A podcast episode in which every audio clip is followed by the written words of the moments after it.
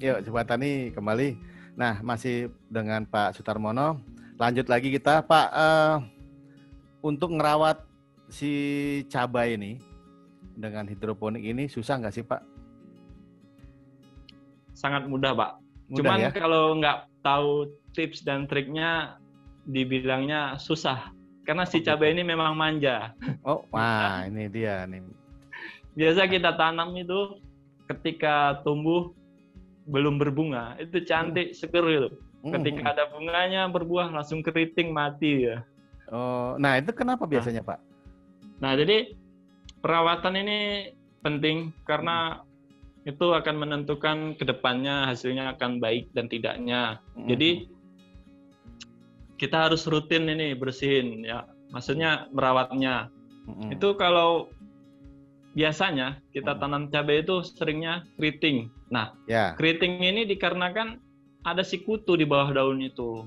Yeah. Biasa disebutnya kutu putih, kutu kebul gitu. Nah, yeah. itu ada di balik daun itu sembunyi, itu menyebabkan daunnya keriting. Nah, hmm. kemudian ada juga yang di pucuk daunnya itu eh, nggak uh, mau tumbuh dia, mengkerut hmm. gitu. Nah, itu yeah, ada yeah. ada ada di hama di situ, ada tungau. Hmm. Nah, jadi agar uh, hama-hama ini tidak menyerang tanaman yang kita pelihara ini, mm-hmm. kita harus uh, rutin uh, melakukan perawatan. Kalau saya biasanya dengan uh, memberikan uh, pestisida nabati. Ya. Pestisida, ya. Apa ya. tuh Pak? Ini pestisida, pestisida nabati itu bisa kita buat sendiri ya biasanya. Hmm.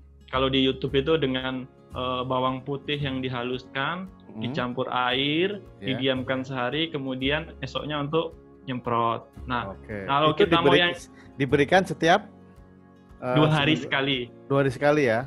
Ya betul. Karena dan ini nggak nggak ada efeknya, karena kan ini ya namanya uh, cuma dari bawang putih ya, jadi. Ya betul. Karena apa namanya pestisida nabati ini dia sifatnya mencegah dia tidak ya? bisa mengobati ya. Oh, okay. ya dan itu harus dirotasi. Jadi kalau seminggu itu kita kasih itu hama tetap datang. Jadi uh -huh. kita rotasi dengan yang bahannya lain, misalnya dengan uh, tembakau hmm. atau nanti bisa dengan daun pepaya atau apa yang lainnya itu. Atau kita juga bisa membeli yang siap pakai dari toko-toko online seperti Naturo hmm. itu. Yeah. Nah, banyak mereknya. Jadi kayak kita, mengelabui hama gitu ya Pak? Ya, biar dia tidak kebal terhadap oh. uh, yang kita berikan. Oke. Okay. Ya. Okay. Jadi kuncinya adalah kita harus telaten. Jadi satu minggu itu paling sedikit dua kali harus kita uh, berikan perawatan agar hasilnya maksimal, buahnya banyak, daunnya mulus, segar dan tidak ada keriting-keriting di cabai kita.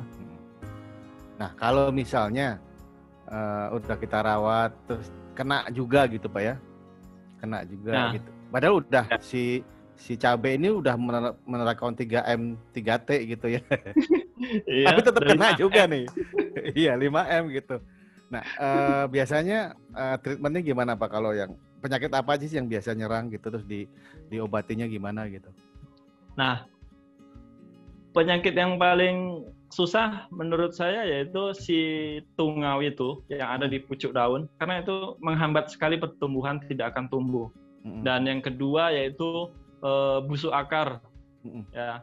Jadi untuk mencegahnya kita ketika nggak ada pilihan lain ya mungkin udah kita pruning tuh yang keriting mm-hmm. kita potong biar nggak keriting terus tumbuh baru. Ya, yeah. Tapi ternyata yang tumbuh baru ini tetap datang si tungau itu maka kita mm-hmm harus memberikan pestisida kimia. Nah, hmm. namun di sini pestisida kimia kita berikan dengan dosis yang rendah atau sesuai dengan uh, kemasan, anjuran kemasan, sehingga residu yang ditimbulkan itu tidak membahayakan ketika dikonsumsi oleh manusia. Hmm, ya, ya, ya. Nah, nah, kemudian untuk si busuk akar ini, ini biasa salah satu penyebabnya yaitu media tanam yang tidak steril atau tidak bersih. Oh, nah, iya. ini ketika kita menggunakan sekam bakar dan kokopit, nah kokopit ininya harus ditreatment dulu. Mm -hmm. Jadi sebelum kita pakai harus kita siram dulu dengan air hingga warna kuningnya itu nanti hilang. Nah, alangkah lebih bagus kalau kita bisa berikan mungkin fungisida seperti antrakol atau apa kita siramkan yeah. agar uh, tidak ada jamur-jamur yang berkembang di sana. Yeah, yeah. Nah, ini sangat penting karena nanti biasanya ketika buah lagi bagus-bagusnya itu tiba-tiba layu.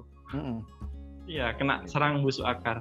Yeah. Nah, ini berpengaruh juga dengan biji, ya. Mm Jadi biji atau seed yang kita dapatkan jika si pohon itu pernah uh, busuk akar, tapi di pohon itu ada buah yang tua dan kita uh, benihkan, kita manfaatkan, maka yeah. nanti si pohon itu tetap seperti itu. Oh, dia itu sampai ya, ke situ ya, Pak? Ya, sampai ke situ. Hmm. Jadi yang pengalaman saya jalani, hmm. kalau yang sudah kena busuk akar, maka satu pohon itu harus dimusnahkan. Kalau enggak, si bibit itu dia menurun dia. Ya. Berarti tetap harus kalau kelihatan sudah kena ya, mending kita iya. buang ya. aja tuh Pak ya. Ya betul. Jangan, jangan kita pakai. Betul. Ya, itu lebih menjaga ke tanaman ya ataupun orang yang ingin membeli ke kita. Hmm. Oke, oke Pak. Terakhir nih Pak. Uh, ya. Uh, tentang pemupukannya kan tadi kita pakai pakai media air ya.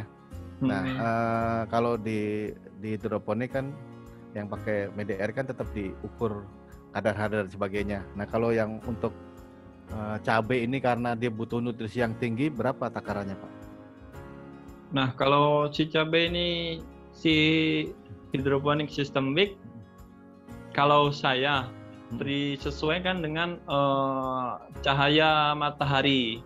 Ya, jadi misalnya nih si si pohon cabai besar nih kayak cabai rawit itu kan, hmm. pohonnya kan besar agak-agak semeter ya tumbuhnya. Nah itu uh, si pot dibuat besar ya jadi si pot menggunakan ukuran mungkin diameter 30 cm atau okay. 40 cm kemudian bawahnya baru dikasih ember es krim hmm, nah yeah, yeah. itu untuk mencegah si akar ini uh, kena suhu panas yang menyebabkan nanti uh, busuk akar dan layu tersebut nah hmm. hmm. kalau nanti dia panas itu biasanya dia nggak mau nyerap si nutrisi. Jadi oh, harus disesuaikan dulu dengan kondisi lingkungannya. Nanti baru kita setting si nutrisi. Nah, kalau saya pada umumnya untuk si cabai ini ketika vegetatif hmm. menggunakan 800 ppm diukur hmm. dengan menggunakan alat TDS meter. Yeah. Kemudian nanti 800, setelah dia okay. generatif hmm. uh, dinaikkan mulai dari 1000 sampai 1300 hmm. ppm. Oke. Okay. Ya, Nanti ada jenis-jenis tertentu seperti yang super pedas tadi, yang Carolina Reaper, hmm. itu lebih tinggi lagi 1500 ppm. Karena hmm. buahnya cukup besar dan besar ya. Sangat iya, sangat pedas ya, dia banyak mengkonsumsi nutrisi. Ya, jadi semakin umurnya semakin nambah, nutrisinya juga harus ya, semakin uh, ditambah tambah. ya, apalagi kalau dia udah berbuah. Pak, uh, Uh, ada nggak uh, tadi kan obrolan kita kan singkat banget nih karena terbatas waktu. Nah, Bapak ada ya. nggak referensi tulisan atau apa barangkali yang bisa kita atau teman-teman bisa sobat tani bisa baca gitu ya di media sosial Bapak gitu? Saya biasanya sih membuat referensi uh, tidak begitu banyak, tapi di sosial media saya hmm. itu kita sering sharing-sharing dalam menghadapi masalah yang timbul ketika bertanam cabai. Jadi mungkin bisa melihatnya di akun sosial Facebook saya, oh, Facebook, ya. Cabai ya? Hias Batam. Cabai Hias Batam. Ya betul sekali. Oke. Nah di, IG IG ada Pak IG? IG sama juga. Sama ya, Cabai ya, Hias sama. Batam. Betul. Pak kalau kalau misalnya saya nanti pesan bibit ke Bapak, ada kali ya? Ada Pak. Alhamdulillah gitu. ya maksudnya kalau sama bapak kan udah pasti terjamin kualitasnya gitu pak ya bisa aman itu siap siap ya baik terima kasih pak uh, Sutarmono atas waktunya dan juga sharing ilmunya ya itu saya iya. pikir ya. tadi kalau kalau ngerawat cabai itu uh, apa namanya kalau kritik susah. gitu susah gitu ya ternyata mudah juga ya. gitu ya nggak nggak terlalu berat gitu kalau ya mudah yang penting kita telaten betul betul. Mm -mm. Ya kalau bisa nggak Pak? Kalau tadi uh, daunnya keriting terus kita pakai catok ya kan? Biar lurus lagi. Nggak bisa ya? Bisa pak. Bisa gila bisa rusak. baik. Pak Tarmono uh, terima kasih waktunya. Insya Allah nanti kita bisa silaturahmi lain waktu ya. Terima kasih atas yeah. sharingnya. Dan uh, salam buat keluarga Pak. Baik. Baik. Salam kembali. Baik. sukses selalu eh, terima kasih Pak Subatani uh, demikian tadi bincang-bincang kita dengan Pak Sutarmo, salah satu petani yang uh, sudah melakukan budidaya uh, cabai dengan hidroponik. Nah, Anda tertarik? Silakan tadi bisa uh, melihat-lihat, membaca-baca referensi atau tulisan-tulisan dari Pak Sutarmono di Facebook beliau atau di Instagram beliau. Kita ketemu lain waktu. Wassalamualaikum warahmatullahi wabarakatuh.